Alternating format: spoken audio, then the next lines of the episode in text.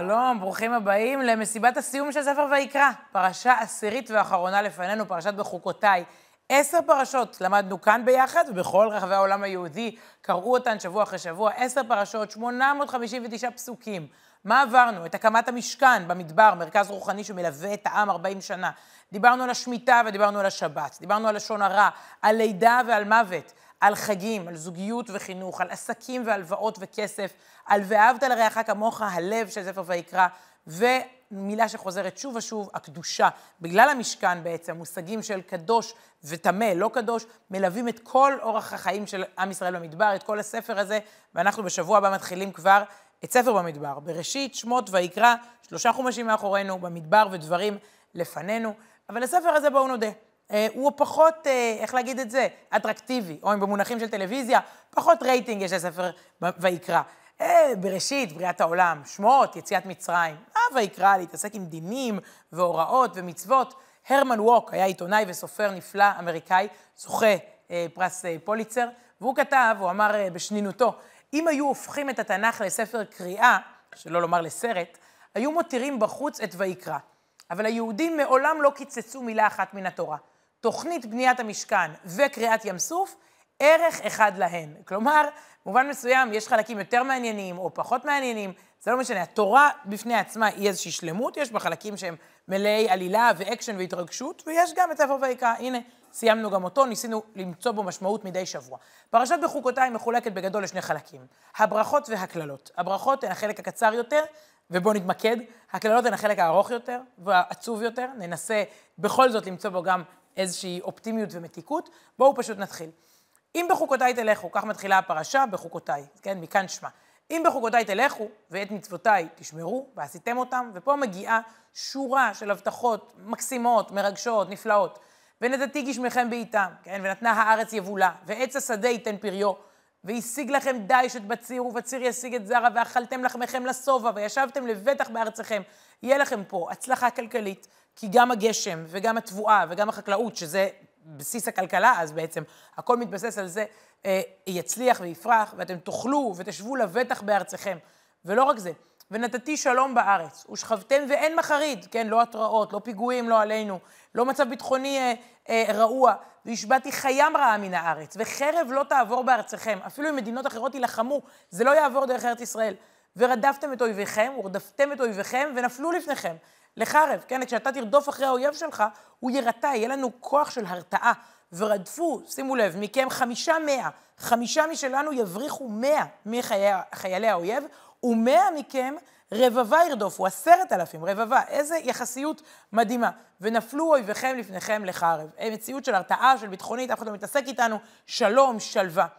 וגם, ופניתי אליכם, קשר, הקדוש ברוך הוא אומר, יש לי קשר אישי איתכם, והפרעתי אתכם, והרביתי אתכם, משפחות, ילודה, ילדים, והקמותי את בריתי איתכם, ואכלתם ישן נושן, וישן מפני חדש תוציאו, כן, התבואה, המחסנים יתמלאו, ונתתי משכני בתוככם, ולא תגעל נפשי אתכם, כלומר, לא תהיה, לא תהיה כאן יחסים, יחסים של רתיעה, של גועל, אלא להפך, וזה כבר הסיום. והתהלכתי בתוככם, והייתי לכם לאלוקים, ואתם תהיו לי לעם. אני השם אלוקיכם, אשר הוצאתי אתכם מארץ מצרים, מהיות להם עבדים, אני מוציא אתכם מאותה עבדות, ואשבור מוטות עולכם והולך אתכם קוממיות. תהיה לנו כאן קוממיות, לא עבדות אלא חירות, לא מלחמה אלא שלום, לא עוני אלא שובע אה, ואושר, ומה, פיתוח, הכל נהדר. פה מגיע החלק הפחות סימפטי. בעצם, קודם כל זה אומר שיש לנו איזשהו חוזה עם הארץ הזאת. אנחנו יודעים, כי יצאנו פעמיים לגלות, לא תמיד בגלל אויב חיצוני, אלא הרבה פעמים בגלל ריקבון פנימי. בגלל שאנחנו לא היינו נאמנים לאיך שצריך לחיות כאן. יש פה כללים, מה שנקרא, נא להתנהג בהתאם. כשאתה נכנס לארץ ישראל, אה, הברכות האלה הם אם אז, מה שנקרא, ייתנו יקבלו, לא ייתנו לא יקבלו, תנאים כאלה. אם בחוקותיי תלכו, תקבלו, אם תתק... אנחנו מסיימים ככה את השליש, את ה... את ה... אה, הייתי אומרת, שלושה מתוך חמישה חומשים, הבנתם כבר את הסיפור. אתם מקבלים אליכם את העסקה, כל ההבטחות האלה. אבל, מה קורה אם לא? ופה, אני חושבת שזאת מסכת עצובה מאוד, זו פרשה שקראו אותה לאורך השנים, אני בטוחה, בעצב גדול, כי היא מתארת אוסף של, זה נקרא הברכות והקללות, מתארת אוסף של דברים איומים, שברובם גם קרו לעם שלנו. אה, השמדה, ורדיפות, ומלחמות, ורציחות, ושלל מכות קשות, מחלות, אפילו שיגעון. אמ, בעצם העם יוצא מהארץ לגלות, זה כתוב, ש... תחשבו, זה מדהים, הרי אנחנו עדיין במדבר. עוד לא נכנסנו לארץ, וכבר הפרשה מספרת שניכנס וגם נעוף מפה. נעוף פעמיים, הנה חזרנו בדורנו בפעם השלישית. בעצם הארץ תהיה שוממה לגמרי, ואנחנו, איפה שנלך, לא נמצא מנוח. בכל מקום בעולם ננסה להשתלב, יקיאו אותנו משם, יזרקו אותנו. גם אם לרגע נצליח, בסוף נצטרך להמשיך לנדוד. ניתקל בכל מקום בשלל סוגים, הייתי אומרת, של קללות ושל אה, אה, אה, התנהגויות איומות כלפינו, או צרות פנימיות שירדפו אותנו. הרבה פרשנים ניסו להמתיק לאורך השנים, הרבי מלובביץ' אה, ועוד, ניסו לקרוא את הדברים האלו ובכל זאת למצוא בהם מתיקות. למשל, מתואר שהארץ תהיה שוממה, כתוב שהארץ תהיה באמת אה, אה, מדבר, שום דבר לא יצמח בה. אומרים פרשנינו, זה טוב, זה אומר שהיא מחכה לנו. באמת אלפיים שנה, לא היה פה פיתוח כמו שיש מאז שהתחילה שיבת ציון. כלומר, הארץ, נכון, הארץ שוממה, אבל היא בעצם, זה טוב, היא מחכה לנו לבניה. או מתוארת אנטישמיות קשה. אולי זה טוב, כי ככה העם היהודי שמר על ייחודו, לא התבלבל, לא התבולל, לא נעלם, לא נטמע. כל מיני, אי אפשר באמת להגיד שהדברים האלה הם חיוביים, אפשר לנסות למצוא מה יוצא מהם, או איך אפשר להוציא מהם גם איזשהן מסקנות אופטימיות. אני חושבת שלפני uh, כמה שבועות uh, ראינו מעמד שבו אנשים הפכו קללות לברכות. אני מדברת על טקס uh, הדלקת המשואות תשפ"ב. Uh, שידרתי אותו לחדשות 12, וראיתי מקרוב שורה של אנשים, מחנה משותף, נדמה לי לרובם, קללה שניחתה עליהם והם הפכו אותה לברכה. זה יכולה להיות אה, פגיעה מינית קשה שהופכת לפעילות אה, אה, כדי לעזור לנשים אחרות במצוקה הזאת, לרפא אותן ולתקן את העולם. זה יכולה להיות מתקפת טרור או רצח או אלימות או נכות, שבעצם מתועלת לפעילות חברתית, להקמת ארגונים ועמותות וכולי. המדליק הראשון של המשואה, אה, אני חושבת שהוא נתן את הטון, כי הוא בכה, הוא לא התבייש, ואחריו הרבה הרבה בכו שם והתרגשו.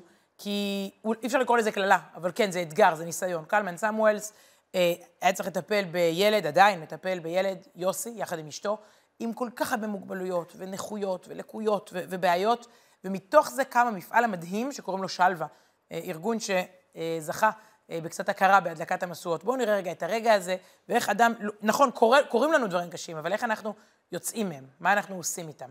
הנה. קלמן סמואלס! לילד עם מוגבלויות היא אתגר אדיר להורים ולמשפחה כולה. יוסי, בנם של קלמן ומלכי סמואלס, זוג עולים צעירים, נפגע בהליך רפואי שגרם לו לעיוורון, לחרשות ולמוגבלות פיזית. קלמן ומלכי בחרו להפוך את הקושי למכור כוח ולהושיט יד למשפחות אחרות שנמצאות במצב דומה. הם הקימו את עמותת שלווה בדירה שכורה, בה טיפלו בחמישה ילדים. כיום שלווה היא בית לאלפי אנשים עם מוגבלויות מכל גוני החברה הישראלית ומהווה מודל עולמי לטיפול באנשים עם מוגבלויות ושילובם בחברה. תעלה המשואה! אני קלמן סמואלס, בן פרנסיס ונורמן זיכרונם לברכה, משיא משואה זו לכבוד אשתי, שותפתי, מלכי היקרה, שלי ושלכם, שלהו. ולכבוד כל אמהות ואבות שמקבלים ואוהבים את ילדים שלהם כמו שהם, ומאמינים בהם כמו שהם יכולים להיות. לכבוד השותפים לדרך בארץ ובעולם, אנשי המקצוע המסורים, בנות ובני השירות הלאומי ואלפי המתנדבים שרואים את האדם ולא את המוגבלות. לכבוד החברה הישראלית הנפלאה הפועלת להכיל אנשים עם מוגבלויות ולאפשר להם להשתלב במרקם החיים כשווים בין שווים. לכבוד בנינו יוסי. ההשראה הכי גדולה, אהבת חיינו, ולתפארת מדינת ישראל.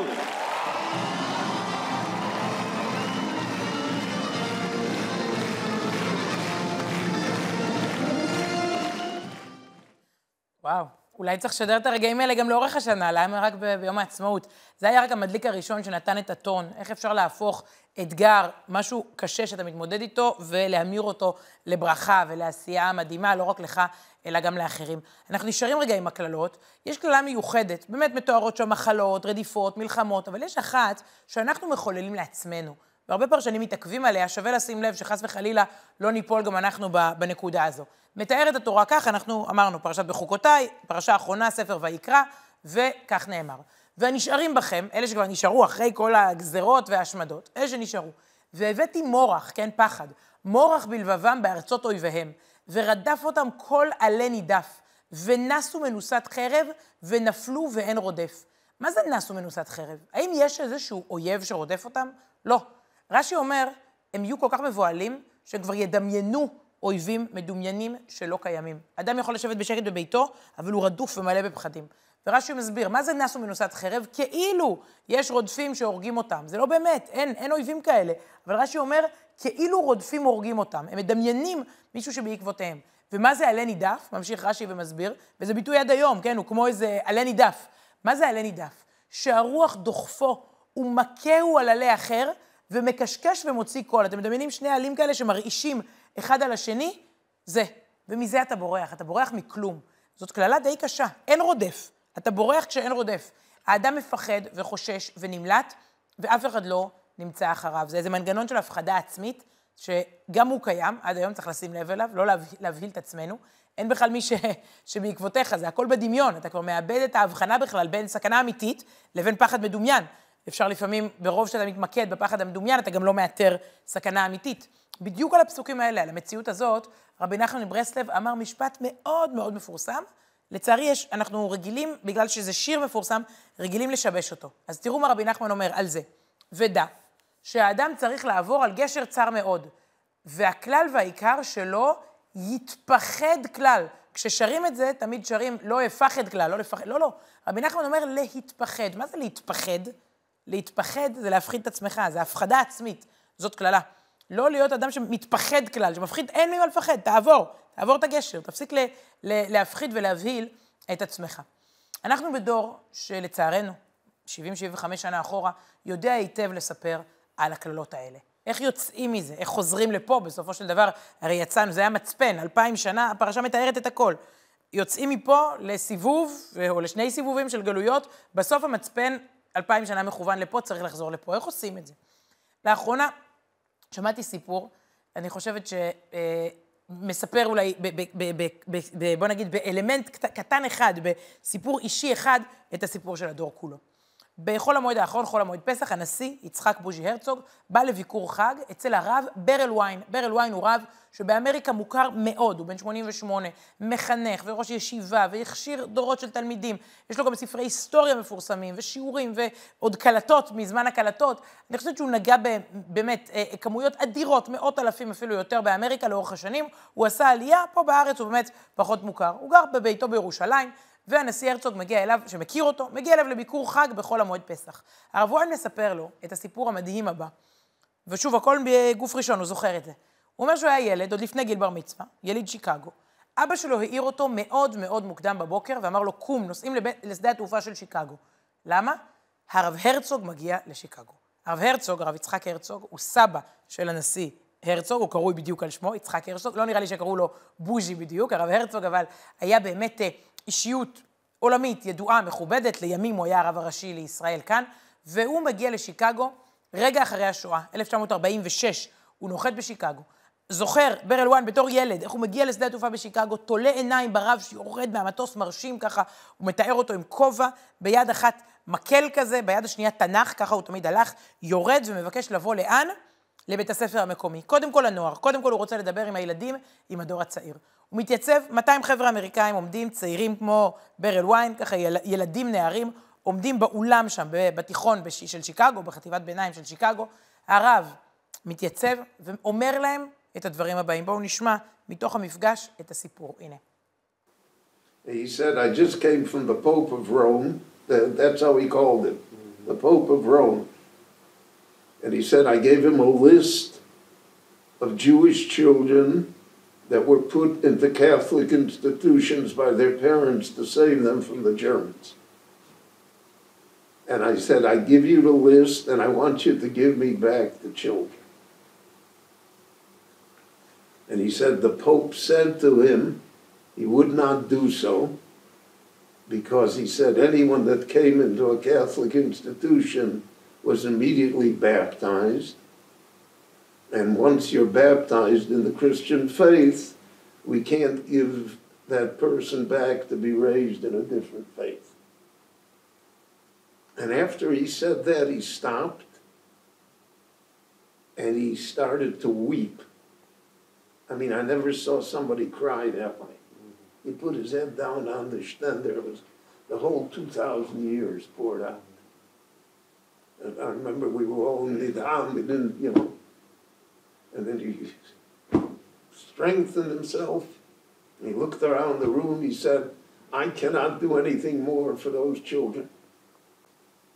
But what are you going to do for the Jewish people? What are you going to do to build the Jewish people again?